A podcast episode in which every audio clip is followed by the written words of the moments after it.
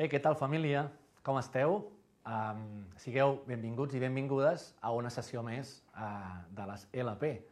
Sabeu que són sessions que ens ofereix les cares de la música perquè persones com ara jo vinguin aquí a explicar-vos coses arrel de discs que per nosaltres són importants o destacables o que senzillament tenim ganes de compartir-lo amb tots vosaltres. Em presento una mica, jo sóc en Nacho Tarrés, és possible que em conegueu per la meva trajectòria musical amb el grup Gossos, amb els quals doncs, he compartit 25 anys de, de carrera. Ara fa un parell d'anys que els Gossos estem, estem aturats, no hem acabat encara eh, el nostre cicle vital, però sí que sentim que, que estava bé fer una aturada després de 25 anys a tope. I dir-vos que a banda doncs, de tocar amb gossos, he seguit en paral·lel un projecte que just aquest any farà 10 anys, que és un grup que es diu Nacho Tarrés and the Wireless i que d'alguna manera pel nom ja podeu veure que wireless i wireless eh, té alguna relació. I la veritat és que aquest projecte doncs, va néixer eh, l'any 2011, quan feia 30 anys de la mort de Bob Marley i l'Auditori de Barcelona tenia ganes de fer una presentació, posar d'alguna manera en Bob Marley i la seva art a un lloc que normalment no, no hi ha estat gaire, que és aquests espais, diguéssim, de culte que tenim a la nostra societat. I vaig disfrutar molt i gaudir molt de preparar un projecte que el que tractava era de revisar una mica l'obra de Bob Marley, un artista que sempre m'ha acompanyat al llarg del temps. No sé si us passa a vosaltres, però hi ha artistes o persones que tenen la capacitat de, de penetrar molt profundament i a mi amb el Bob Marley, juntament amb algun altre, és quelcom que em passa sovint. Sempre retorno al Bob Marley, mai he marxat. Des de que era petit recordo escoltar les seves cançons, eh, el reggae, aquest espai de flow suau, tranquil, que sempre ve de gust doncs d'alguna manera això m'ha acompanyat al llarg de la meva vida. I aquest projecte que vaig fer, que vaig iniciar el 2011 i que porto 10 anys fent-lo perquè segueix venint de gust fer-lo i encara hi ha gent que té ganes d'escoltar-lo, doncs intenta ser un homenatge no? a, aquella música, aquest espai que ens va regalar el Bob Marley, a aquesta empremta que va deixar. Per mi una de les coses molt rellevants del Bob Marley és que han passat ja gairebé 40 anys de que ens va deixar, el 1981, i que realment la seva música segueix molt present i continua sent una música mm, que sona moderna.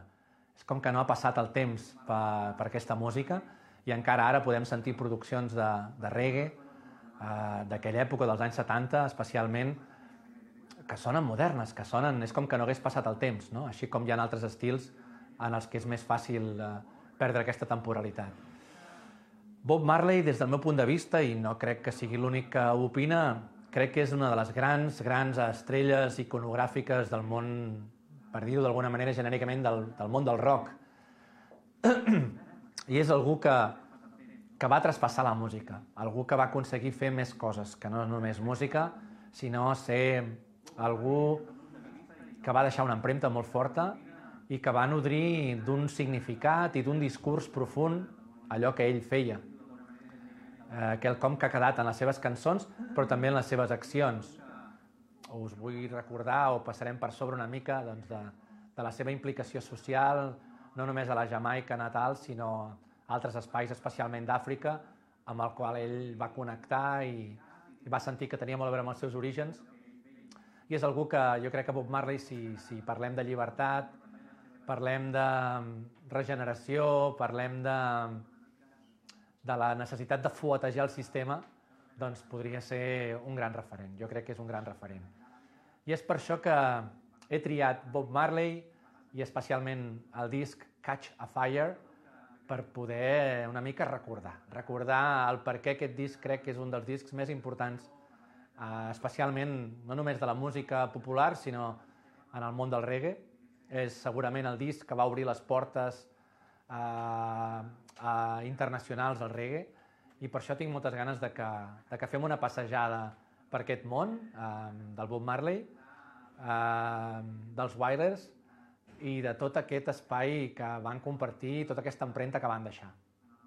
Així, sense més, us convido a començar a escoltar alguna cosa, alguna cançó. I el que crec que és important que escolteu perquè ens situem una mica, com que és un disc que, que com us deia, va deixar molta empremta, especialment eh, al, al món occidental, perquè els Wailers a, a Jamaica ja feia 10 anys que, que tocaven, per ells era el cinquè disc de la banda, però d'alguna manera era el primer disc en el qual es mostraven al món. I quan dic món, parlo del món occidental, que en aquell moment era el que començava a dominar la indústria musical, especialment el món anglosaxó i nord-americà. I per això eh, us vull primer situar, no? Quin era el reggae que escoltava el món occidental, eh, el món anglosaxó? Quina percepció tenien del reggae abans de que aparegués aquest disc en aquesta escena? Doncs farem un petit viatge per escoltar alguns referents que tenien les persones en aquell moment sobre la música reggae.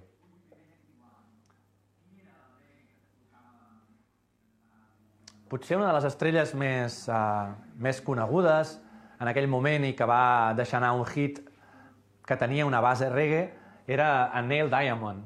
Um, I d'alguna manera, uh, ara us deixaré sentir un fragment d'una cançó d'ell en directe del 2008, algú que encara està en forma, o estava en forma, i, i veureu que és una cançó que segurament heu conegut molts per una altra banda que la va immortalitzar. Però d'alguna manera, perquè us fa una idea, abans de que UB40 mm, generés aquest gran hit, l'origen és això, Neil Diamond.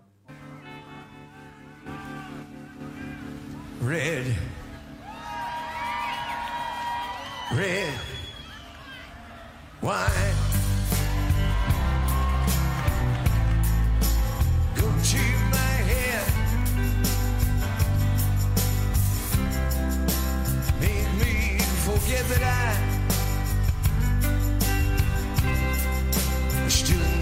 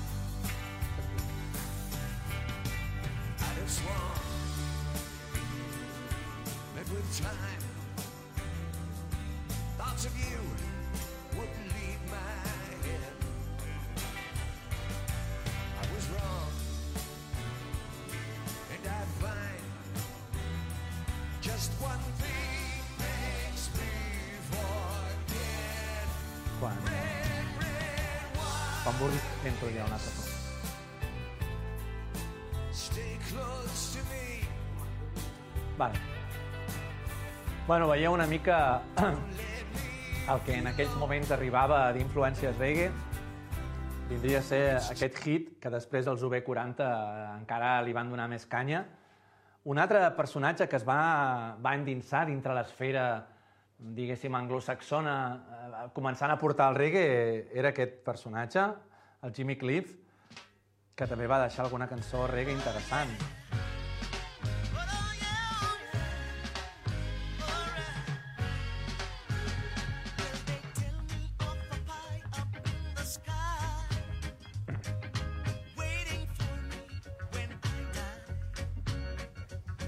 for the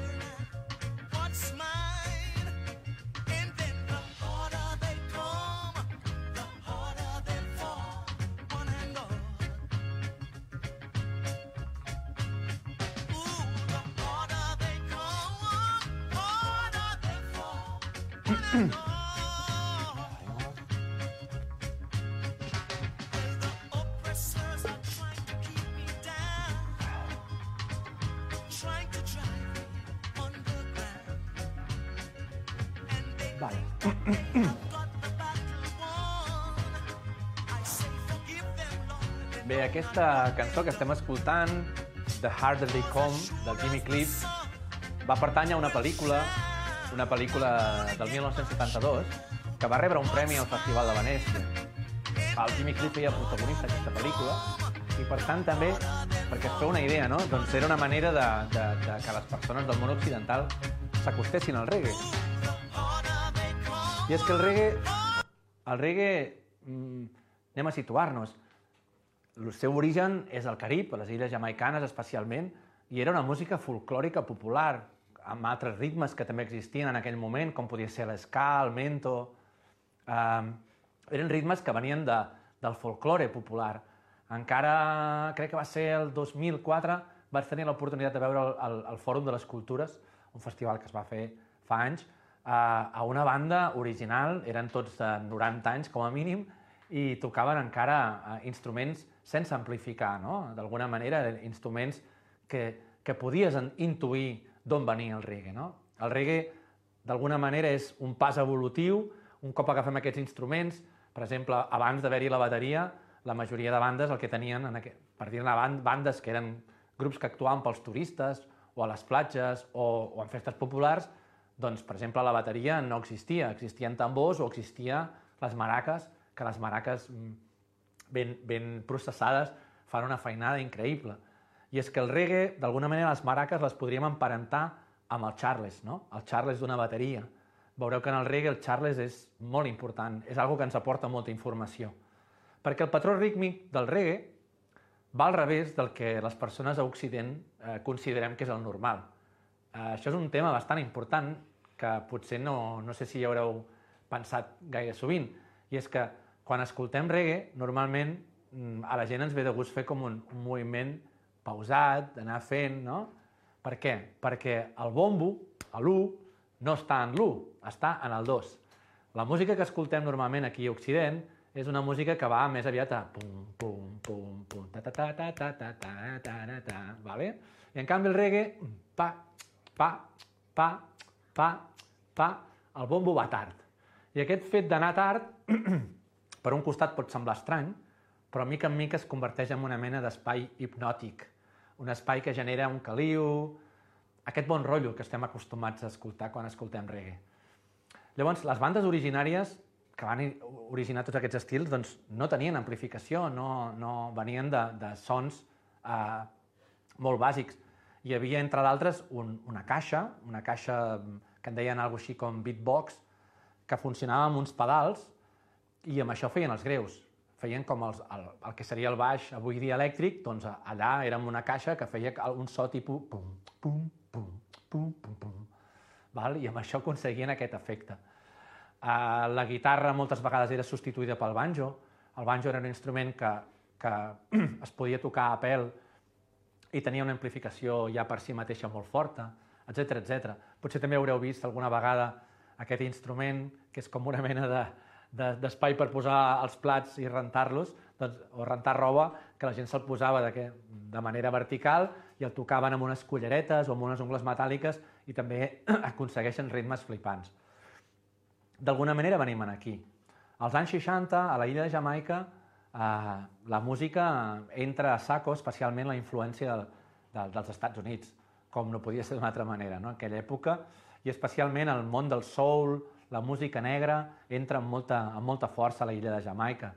I, de fet, els orígens dels propis eh, Wailers és música més aviat coral, de veus, eh, soul, una mica imitant les bandes que en aquells moments estaven triomfant als Estats Units. Eh, els Wailers, per començar a situar-los, eh, abans d'aquest disc, que, que aquest disc que estem parlant avui és el Catch a Fire, del 1973, ells ja portaven més o menys 10 anys funcionant junts. Eh, eren una colla d'amics eh, que s'havien conegut al seu barri, on havien passat la seva adolescència, que era el gueto o el barri de Trainstown. Moltes vegades també l'haureu sentit anomenar amb algunes cançons de Bob Marley i ells eren, perteneixien d'alguna manera a aquests barris marginals de població de color, població negra, que eren vistos encara pels blancs com, com molt inferiors i, i encara en aquella època, de fet, segurament no, no ha canviat prou encara, doncs patien, patien d'alguna manera un grau de vulnerabilitat molt important. Llavors, eren nanos que es van criar al carrer i que per ells la música va ser un punt de sortida, una, una, un espai de llibertat. I segurament una de les característiques més importants dels Wailers és que d'alguna manera d'aquella lluita, d'aquella militància, de tot allò que ells van aprendre en el seu barri, va sortir gran part de la seva música. Una música que és rebel i que té un discurs més enllà de fer-nos passar una bona estona. No m'enrotllo més i comencem a escoltar una mica de música. Si ens n'anem al disc en qüestió, el Catch a Fire, arrenca amb una cançó meravellosa des del meu punt de vista que, es diu, que es diu Concrete Jungle. Una cançó que ens parla d'alguna manera d'amor. És un amor que també ens parla d'una solitud, algú que està buscant alguna cosa no? en, en aquesta jungla d'asfalt, en aquest món que, que, que algú encara no se sent prou, prou vinculat a aquest món, no? se sent estrany en, en aquest espai. No? Us convido a escoltar una estoneta, que puguem escoltar aquesta cançó quan la màquina em digui OK. Aquí tenim.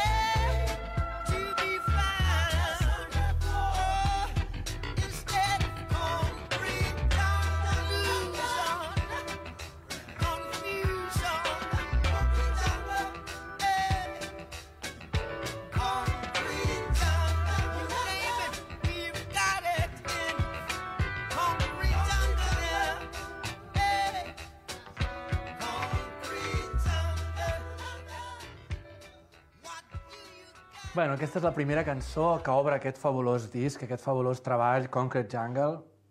I ja hi hauria moltes coses per explicar. D'entrada, com a curiositat, dubto que pugui haver gaires més cançons en el món del reggae que tinguin un solo de guitarra. I això és una estranyesa en el món del reggae que hi hagi un espai perquè un guitarrista pugui lluir. Això és molt, molt curiós d'aquesta cançó.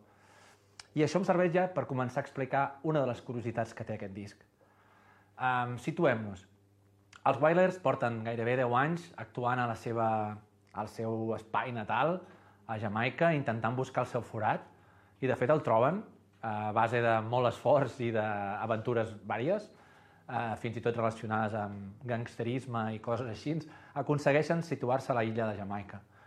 Però mm, volen més, especialment eh, pel que sembla amb Bob Marley, eh, amb els seus companys, que en aquell moment, d'alguna manera, de la banda mm, originària acaben quedant tres, tres parts molt importants, que és en, P en Peter Tosh, en Bonnie Wyler i el propi Bob Marley, doncs decideixen intentar buscar-se la vida i guanyar, eh, intentar guanyar territori.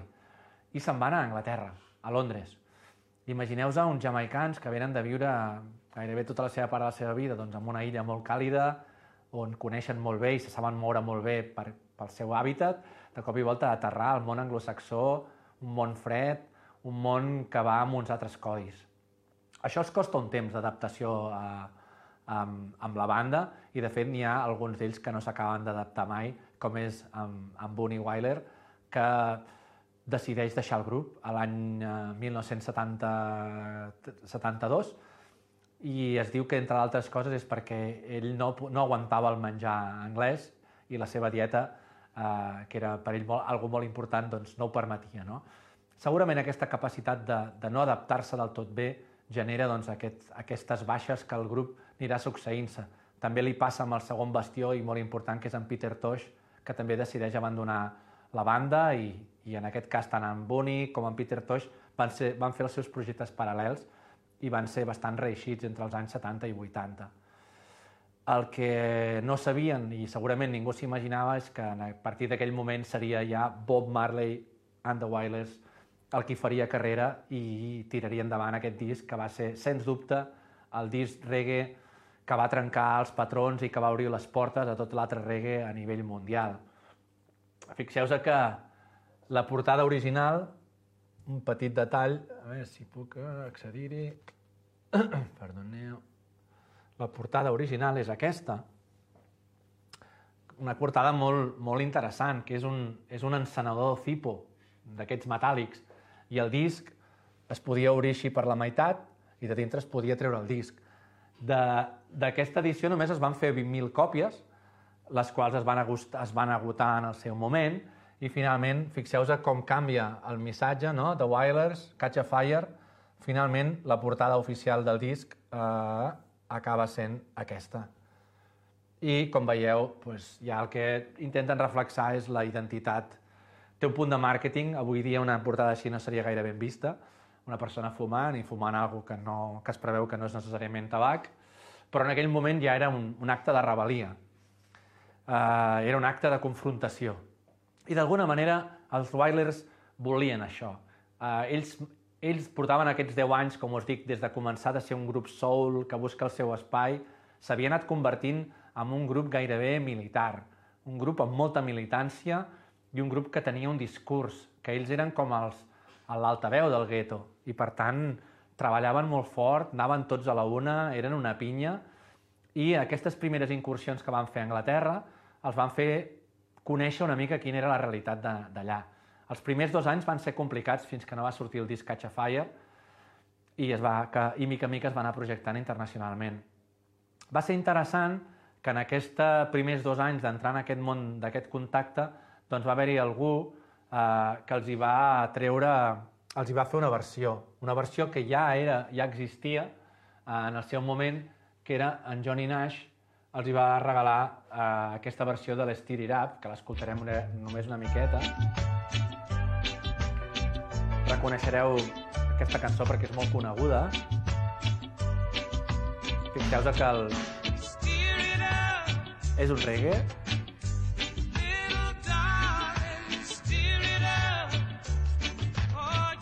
diguéssim, molt comercial, molt melòdic,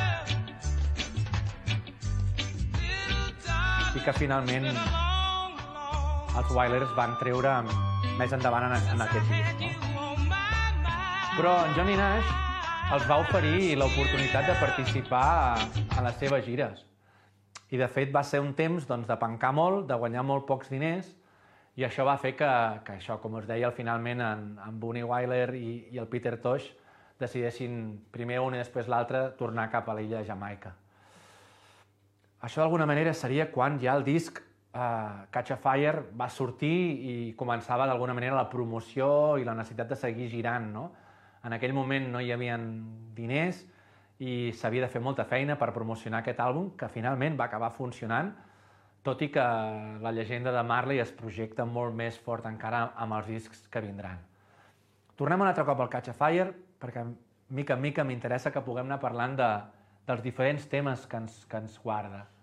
Anem a escoltar la segona cançó, que es diu Slave Driver. Aquesta ja no és una cançó d'amor. Aquesta és una cançó molt compromesa que parla del sentiment encara de com un jove de Jamaica se sent molt esclau, se sent esclau encara. És com que no han canviat les coses i saben que les seves oportunitats al voltant del món dels blancs eh, són unes altres. No? Per tant, és un, una mena de crit també no? d'una població negra que, que té necessitats d'expressar de, eh, la seva degradació moral, no? de com, com els tracten i en quin lloc estan. No? M'agradarà que la puguem escoltar tota sencera, una cançó que, que té un punt frapant. Slave Driver.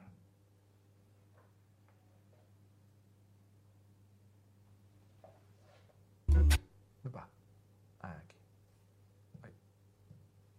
Perdoneu, tornem a començar. Veig que està mutellat aquí.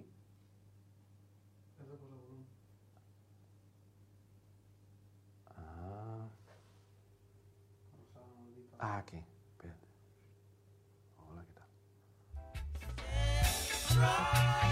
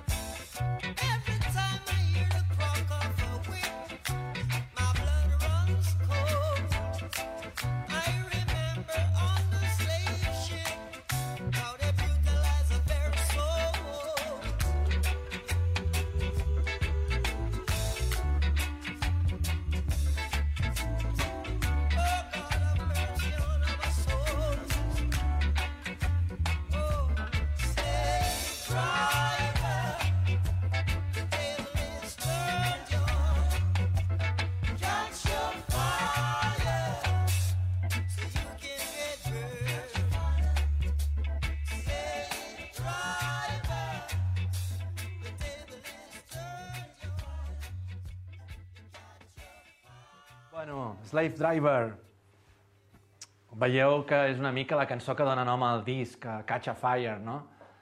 Ens parla dels vaixells d'esclaus, ens parla del fuet i ens parla de, de, de fot-li canya, no? fot-li foc, eh, tira endavant. No? Una mica un, en un context, aquesta cançó apareix en un context en què normalment la música no, no, no anava d'aquestes coses i menys, eh, i menys aquella època. No? Per tant, comencen a obrir una, una, una porta que, que va directament al discurs, va directament a, a quelcom que, que, a més a més, no és un discurs inventat, inventat sinó que és viscut. A la illa de Jamaica, eh, d'alguna manera, per ells la llibertat és... La llibertat i, i la manera de lluitar és a través de poder generar un discurs, de poder explicar als altres a través de la música eh, què és eh, la seva vida i la, la necessitat de llibertat. No? Que com que, que per molt que ara sembli molt normal, en un context on la música era molt estètica, bàsicament, no acostumava a passar que hi hagués doncs, algú que tingués aquesta, aquest discurs i aquesta necessitat d'explicar-lo. De, una altra cançó que lliga una mica amb això i, i que aquí sentirem la, la brutal veu del Peter Tosh, una veu més greu, però que aquí està melòdica. Una cançó que no és d'aquest disc, és, ja pertany al disc Soul Rebel d'uns anys abans, però en aquest disc, doncs, com que és la projecció internacional, una mica intenten agafar també algunes cançons que per ells són importants i les afegeixen en aquest disc, com també després veurem és el tema, la cançó Steer It Up, també passa per això.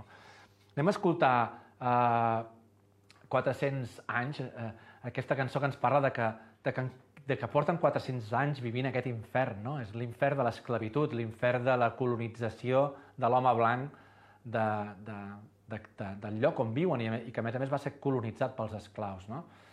Interessant veure com arrenca aquesta cançó. Jo crec que això no es pot, no es pot tornar a repetir, no? la manera com arrenca i com ens va situant en en el context. Escoltem.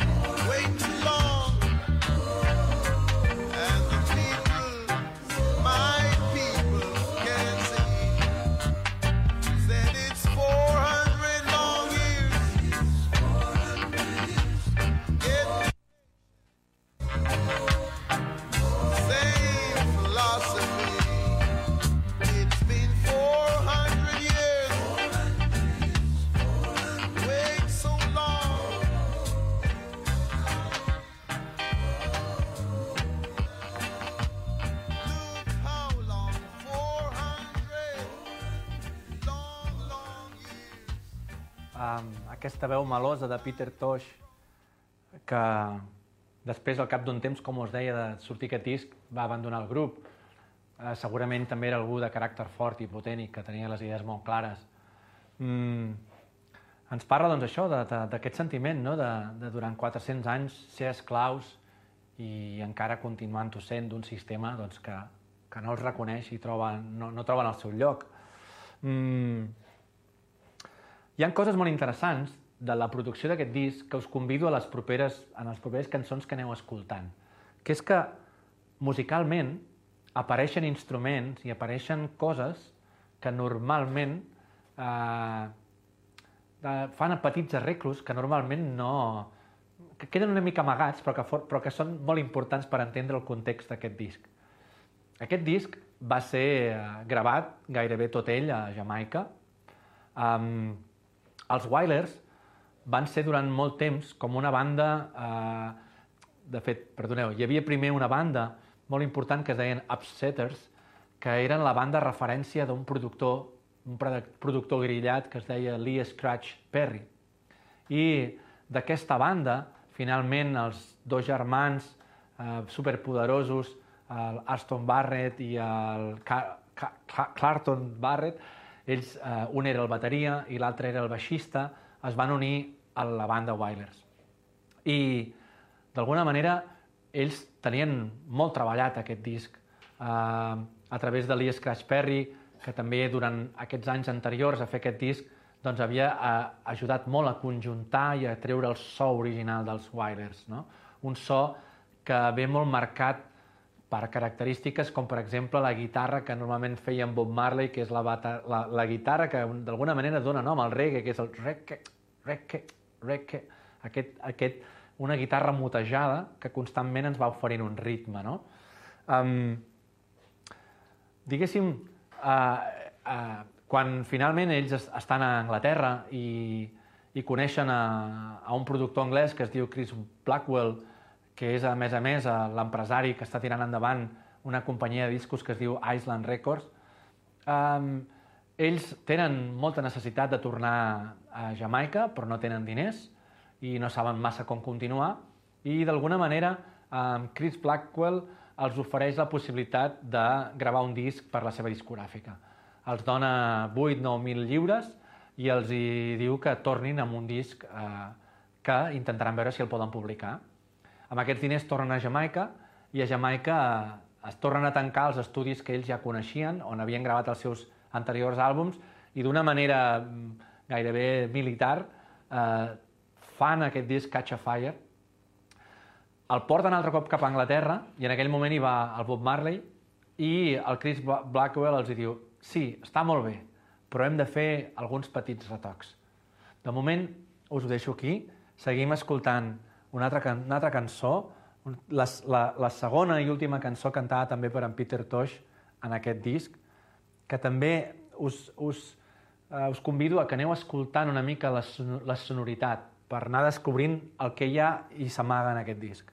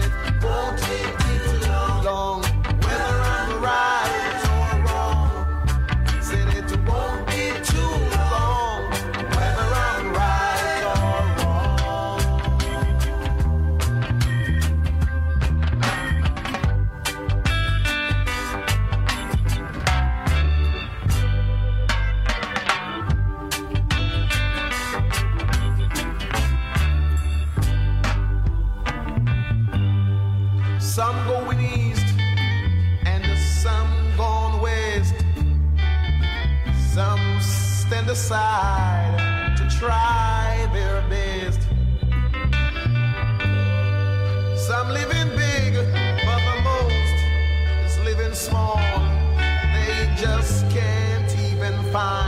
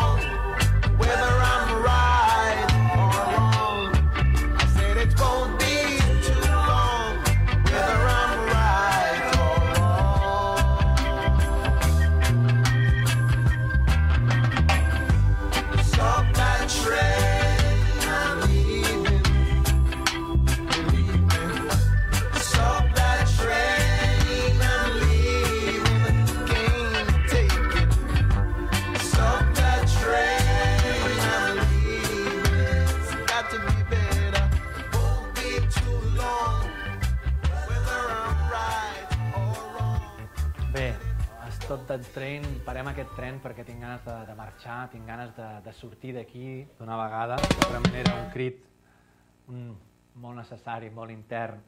Um, aquesta cançó m'agradaria que us fixéssiu una miqueta. Em- Anem a repassar trets, trets característics de, del reggae, no? que es veuen molt clars amb aquesta cançó. Fixeu-vos amb la línia melòdica del baix, no? de, de com el baix, en el, amb, la, amb la música reggae,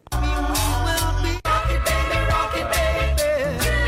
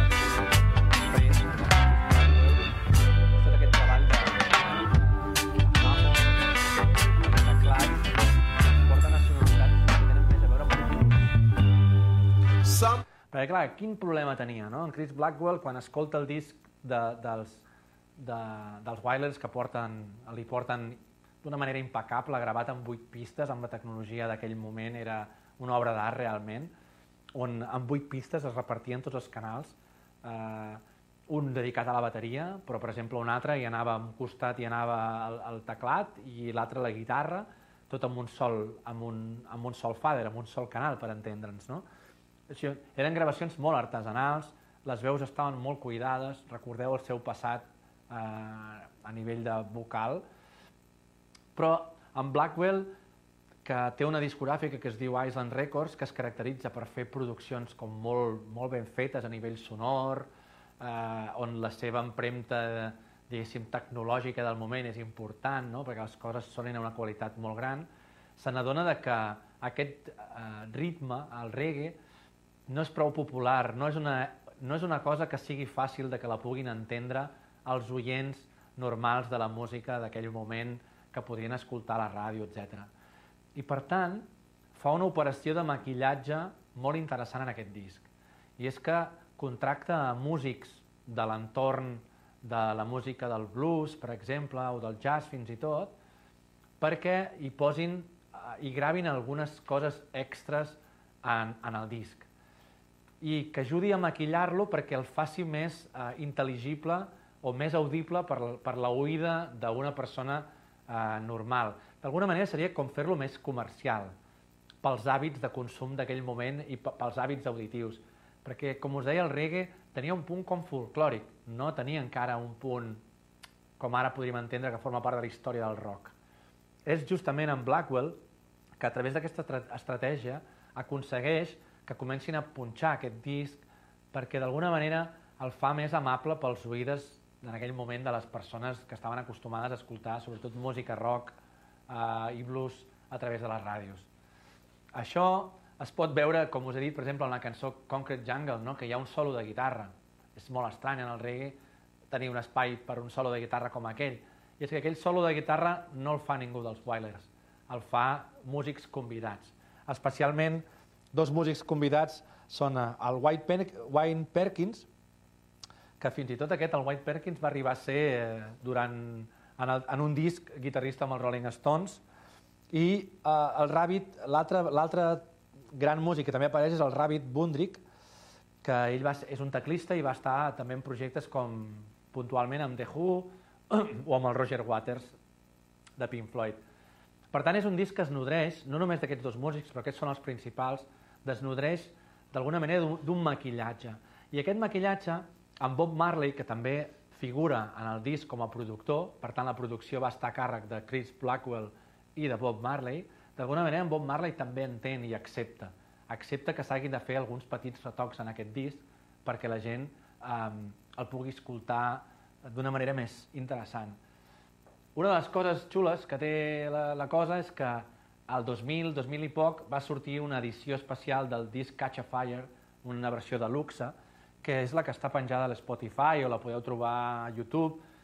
I en aquest cas, fixeu que aquest disc Catch a Fire té, té com dos discos, disc 1 i el disc 2. Quina diferència hi ha?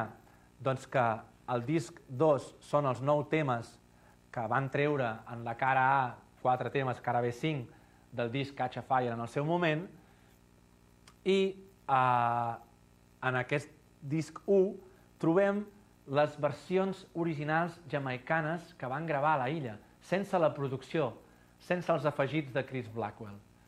Segurament amb el temps, i el propi Chris Blackwell ho ha reconegut en alguna de les cançons, amb el temps potser ens podrien arribar encara a agradar més les cançons originals que no pas la producció que es va fer. Però està clar que en el seu moment va funcionar i va ser una de les claus importants de que haguem d'alguna manera descobert a Bob Marley i a través d'ell haguem descobert molta música reggae. Anem a escoltar ara el cinquè tema, eh, el Rocket Baby, una cançó també eh, amorosa que ens convida d'una manera amable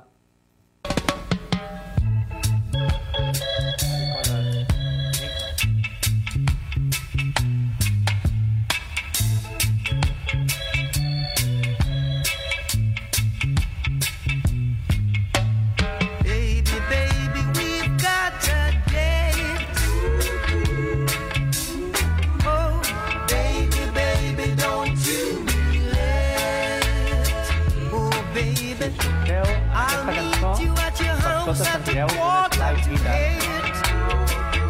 Entonces un video que aparece sobre la guitarra, sobre la guitarra que cantaba, ya veureu que hi ha un moment que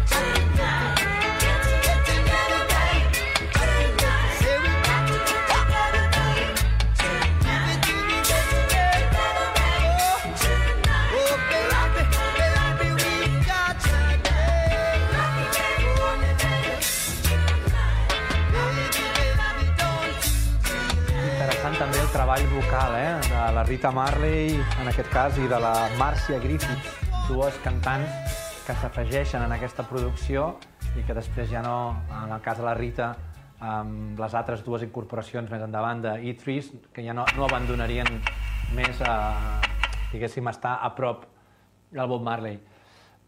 Aquesta part vocal que no és senzilla i, i que mereix una anàlisi molt interessant. Eh, suposo que us heu fixat amb això que us deia de- d'aquest slide guitar. Hi ha un documental que ho explica molt bé, us el recomano si us ha interessat i us interessa mínim, mínimament el que us estic explicant de, de la producció. Hi ha un documental que, que es diu justament Catch a Fire, que el podeu trobar a YouTube, i que explica coses molt interessants de la producció. I just crec que en aquest moment, a veure si l'enganxo, és quan el guitarrista explica què és el que ell va fer. Aquí hi ha el tècnic que explica com van ser les mostres, That's the drums. All the drums are mixed to one track. And then other tracks would have this is guitar and piano mixed together. And it's an interesting feature of uh, the, the Jamaican reggae music because they were tight with the number of tracks they had available.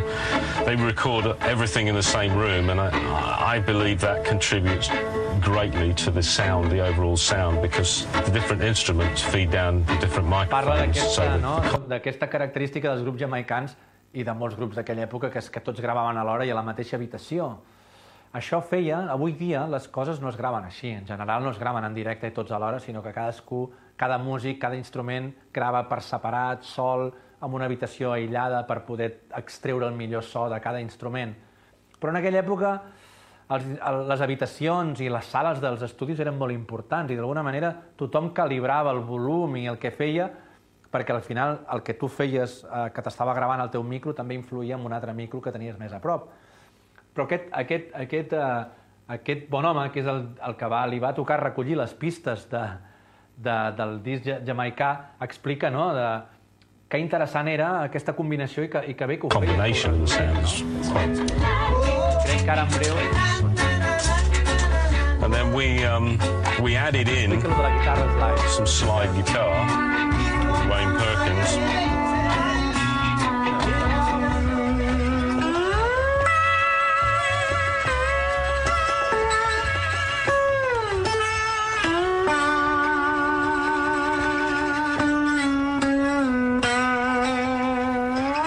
Rock it, baby, rock it, baby.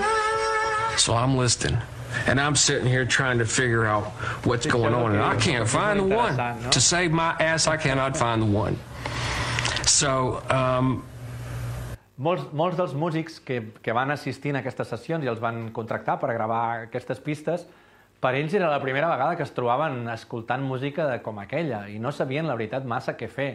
I de veritat té molt mèrit el treball que va fer aquest guitarrista i també un teclista, a veure si trobo per aquí la, com explica, quan li demanaven de fer música reggae, no?, amb els teclats. Uh, sí, crec que aquest moment és molt interessant. També us el deixo un moment. Bob break in America, so we needed to add a little bit of Aquí explica com something that Americans were used to, like clavinets and havien de posar things. You know what I i mean? So Bob was ready for that. But the the thing that they we were trying to do by bridging the gap between purist reggae and Americanized reggae, which Americans could palate, was not purist. My parts on Catch a Fire are nowhere near purist. They are an imitation at what Bob Aquí Marley explica taught me quan how el to Bob do. Marley li va ensenyar el And que so havia de while fer. over there reggae, I was doing that. Ell feia això. Amb el clavinet, que és aquest instrument d'aquí dalt.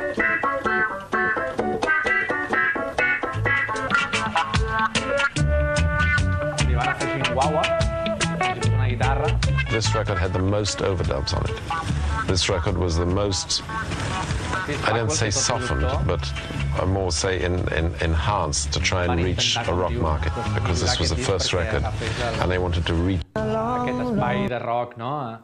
Us recomano molt aquest documental que es diu justament Catch a Fire, que segurament us explicarà coses molt més ben explicades que ho estic fent, com del que ho estic fent jo. Però també us permetrà doncs, com profundir en el concepte del que és una, la producció i de més. Um, segurament pels puristes, perquè en el món del reggae hi ha, hi ha gent que és molt purista, no? Amb, amb, amb, com amb tota la vida, no? doncs des del punt de vista purista no és un disc, es, eh, diguéssim, eh, superpur en aquest sentit. Però el que és destacable, i, i crec que això es, es veuen les coses en perspectiva, és que gràcies justament a aquest maquillatge que li van fer a aquest disc, van ajudar a que, a que finalment pogués arrencar la carrera de Bob Marley i, avui dia qui, qui ens diria que, que va ser una mala decisió després del, que, del seu llegat i de tantes coses com va arribar a fer, no? La següent versió del disc, eh, la, la següent cançó del disc és Stir It Up, us he posat abans la versió de, del, del Cash, que, és, que es va popularitzar abans que aquesta, però la cançó original és dels Wirers, i m'agradaria aprofitar, no? en, en aquell moment, m'agradaria aprofitar una altra... No, es, no escoltarem directament la del disc, però sí que es, es, escoltarem la interpretació que, si la trobo, dels, um, dels Wirers eh, en un programa de televisió poc després de treure aquest disc crec que també ens anirà per, bé per veure la imatge de, de com són, qui eren i, i com tocaven en directe. Stir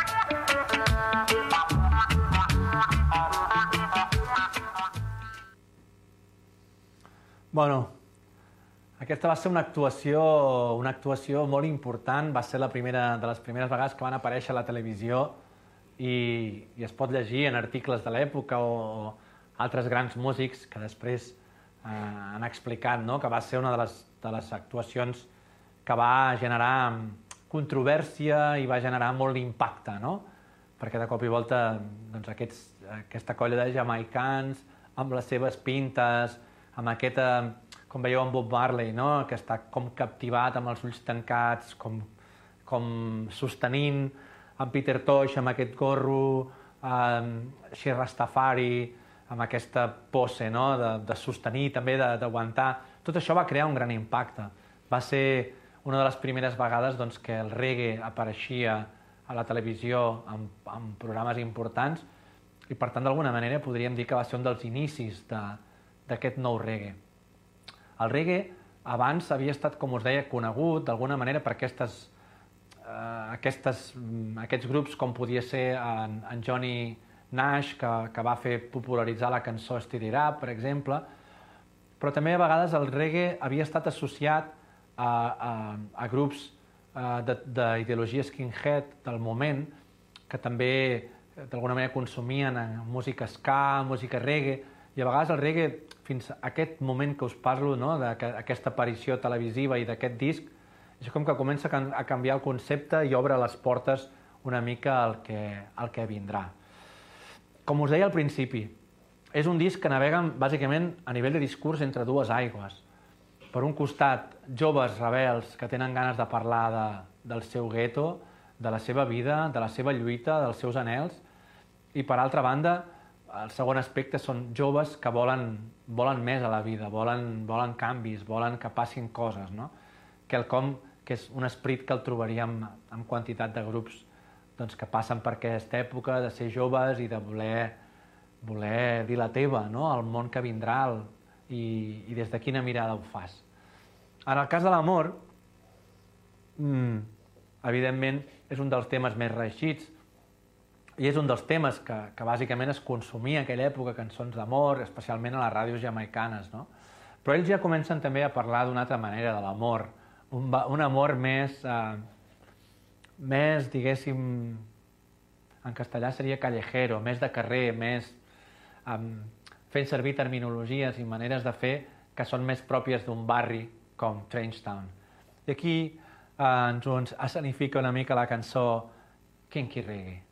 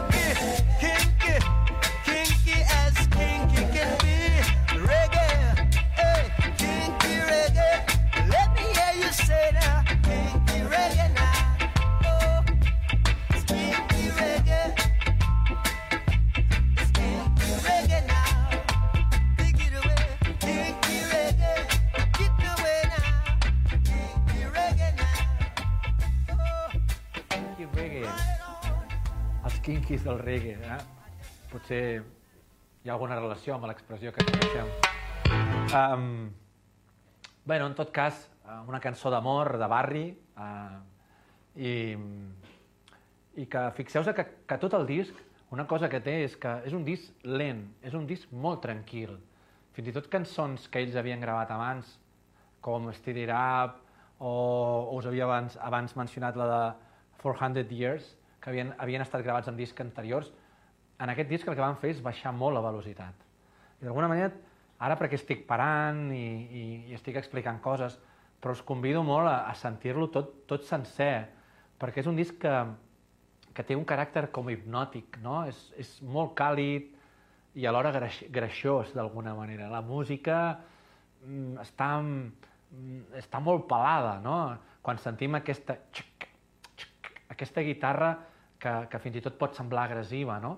Però fixeu-vos que al final és una combinació de sons mm, molt especial que, que en conjunt ens porta aquest, aquesta atmosfera tan peculiar que té la música reggae i especialment, en aquest cas, la música de, dels Wailers. Um, ens queden dos cançons, que no són cap petita cosa per, a, per, a, per acabar el disc, però penso que també, abans d'acabar, passarem una mica a escoltar, m'agradaria que escoltéssim uh, alguna comparativa, no? Anem a escoltar una cançó que es diu No More Trouble, una cançó que encara avui dia ha sigut immortalitzada pels seus fills, amb diverses gravacions, amb produccions que poden semblar molt modernes, però que tot sovint tornes, tornes a l'origen i dius, hòstia, tot, tot ve d'aquí, no? tot ve d'aquesta concepció. No? Uh, a veure com la... segur que la coneixeu.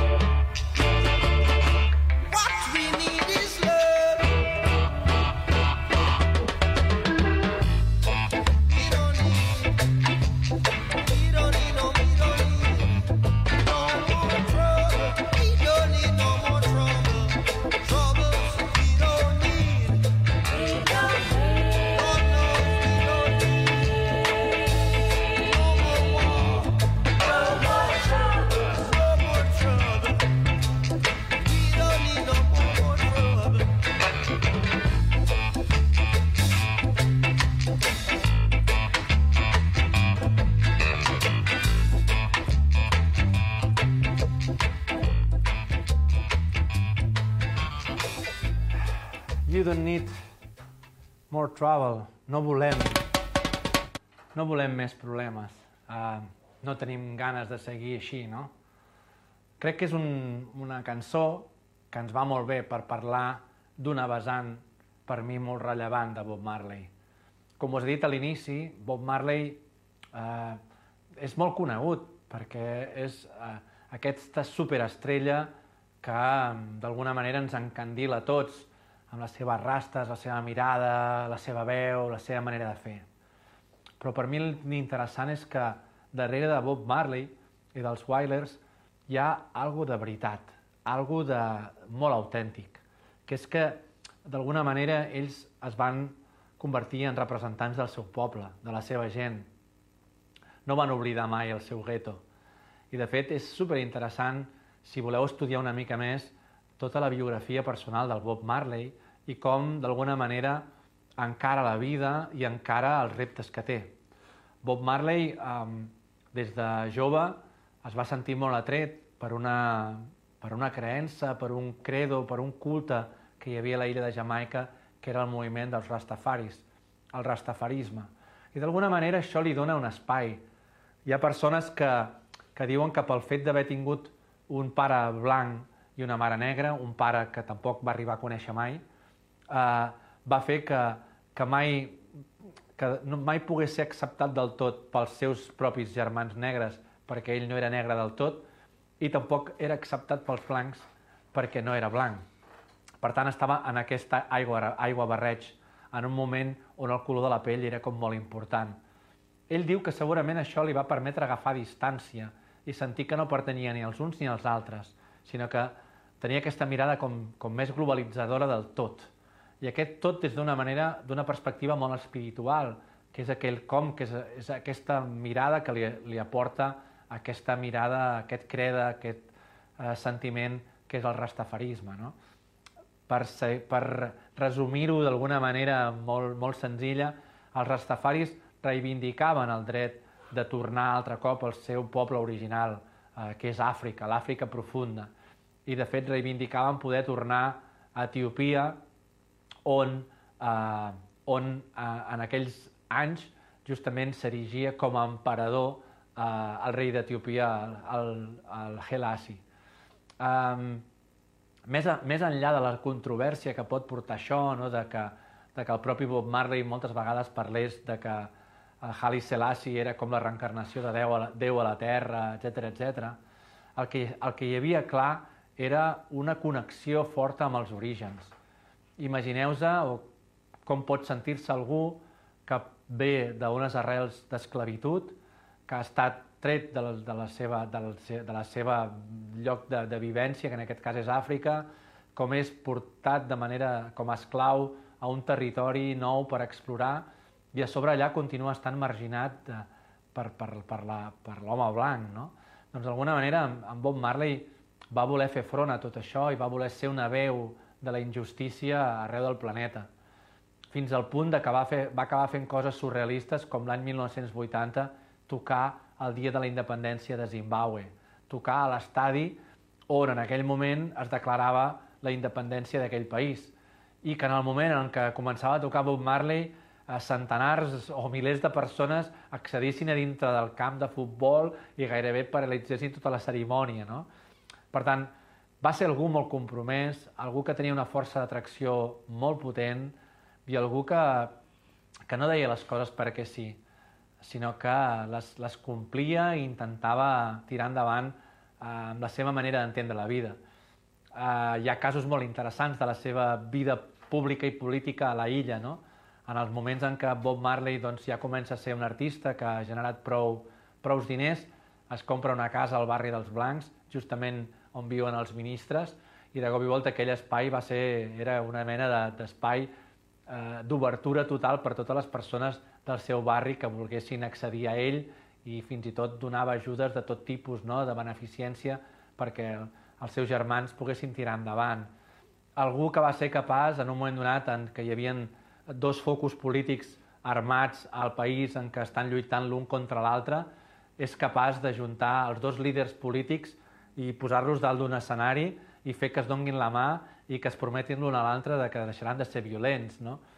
És algú molt compromès, que fins i tot gairebé li va costar la vida, perquè va ser, uns dies abans, va, ser, eh, va rebre un atemptat a casa seva i quasi això doncs, eh, fa que, que, que, que perdem el Bob Marley abans d'hora. No?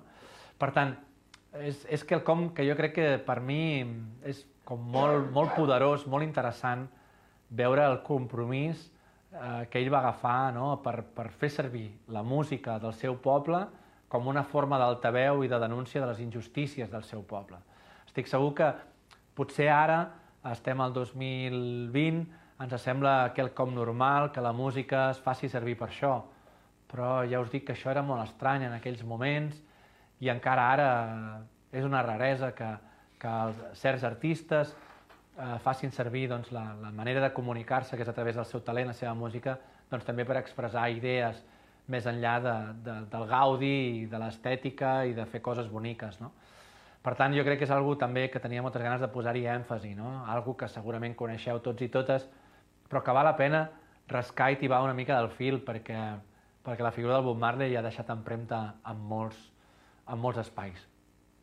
Anem a tancar el disc Catch a Fire, anem a tancar-lo amb l'última cançó, eh, que és la cançó Midnight Drivers, i que jo crec que és una magnífica cançó per tancar el disc Catch a Fire. I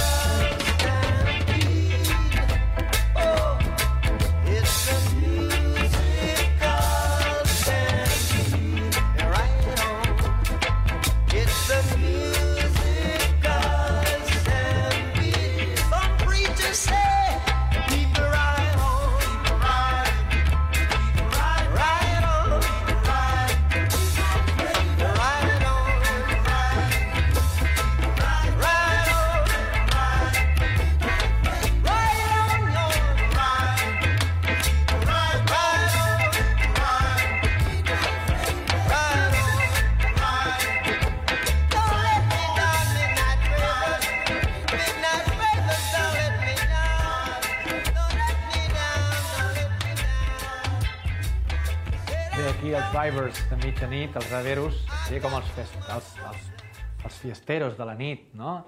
Aquí ens parla com la música és una estampida, no? I ens parla d'aquesta amb aquesta atmosfera que en la qual ens podem imaginar, atmosfera de fum, de rebel·lió, eh, de misteri. No? Així acaba aquest disc, Catch a Fire, aquest disc que, sens dubte, com deia, ha passat a la posteritat, eh, revisava i crec que està, eh, crec que és el número 174 dintre dels 500 discs de la revista dels millors 500 discs de la història del món del rock, segons la revista Rolling Stones. Um, crec que el primer situat en el món del reggae és, és un disc de, de, el, el disc Legend, però el següent disc dintre del món del reggae que té, agafa aquesta dimensió és en Catch a Fire. No va ser un disc eh, que, que en aquell moment sorprengués a, a nivell de vendes o estigués a dalt de totes les llistes, però sens dubte, com us deia, va ser l'entrada que va permetre que poc després ja Bob Marley comencés a fer gires a Anglaterra i Estats Units que finalment van catapultar la seva persona, la seva banda, a dimensions doncs, que, que tots encara avui, eh, 40 anys després de la seva mort, doncs tots tenim encara molt, molt vives. Bob Marley crec que és un artista que donaria per molts capítols, per, per molt més. El disc també donaria per treballar moltes més capes. Sembla mentida com un disc pot, pot tenir tantes, mm, tantes mirades. Podríem encara indagar més en l'aspecte musical. Si us ha agradat aquest aspecte, us, us, us recomano molt que mireu aquest documental que es diu Catch a Fire, que el trobareu també subtitulat en castellà a YouTube i, i en allà expliquen molt bé no? com, com van haver de fer aquesta aventura per intentar doncs, convèncer el món de que el reggae valia la pena. I una mica qui és Bob Marley i quin és el seu, el seu plantejament davant de, de la vida i davant de tot el que va arribar a construir. Com us dic, podríem tirar moltes més hores. Mm, jo crec que ho deixo avui aquí. Estic molt content d'haver estat, i espero haver estat d'utilitat o que hagueu passat una bona estona és la, mime, la meva primera experiència així com una mena de periodista musical. Sempre és quelcom que m'ha fascinat, no? com a, a aquestes persones que coneixen de ple doncs, les històries i ens les poden explicar d'una manera que, que ens inspiri. Espero haver aconseguit una miqueta això, no, no és la meva vocació en aquest sentit, però espero que, que us agradi eh, eh, el que hi ha al darrere de la música, no? que normalment si anem gratant, doncs podem arribar a treure conclusions i ens pot arribar a inspirar per moltes més coses. El que és clar és que Bob Marley segueix viu, la música està viva i que aquest projecte que està fent les cares de la música amb aquestes sessions LP doncs segur que ens serviran a tots per estimular-nos més i conèixer més en profunditat doncs, què és la música i tots els seus mons i espais que, que són molts. Per part meva, fins la pròxima i us deixo amb una cançó, amb la cançó amb la qual eh, d'alguna manera porta el títol d'aquest eh, disc, que és el Catch a Fire, tot i que es va titular eh, Slide Driver, i us deixarem aquesta cançó perquè està, actua, està tocada en directe i pertany a l'època, doncs, el 1973, quan van presentar aquest disc eh, i es van donar a conèixer d'alguna manera dintre el món anglosaxó. Espero que us hagi agradat i ens veiem a la pròxima. Ciao.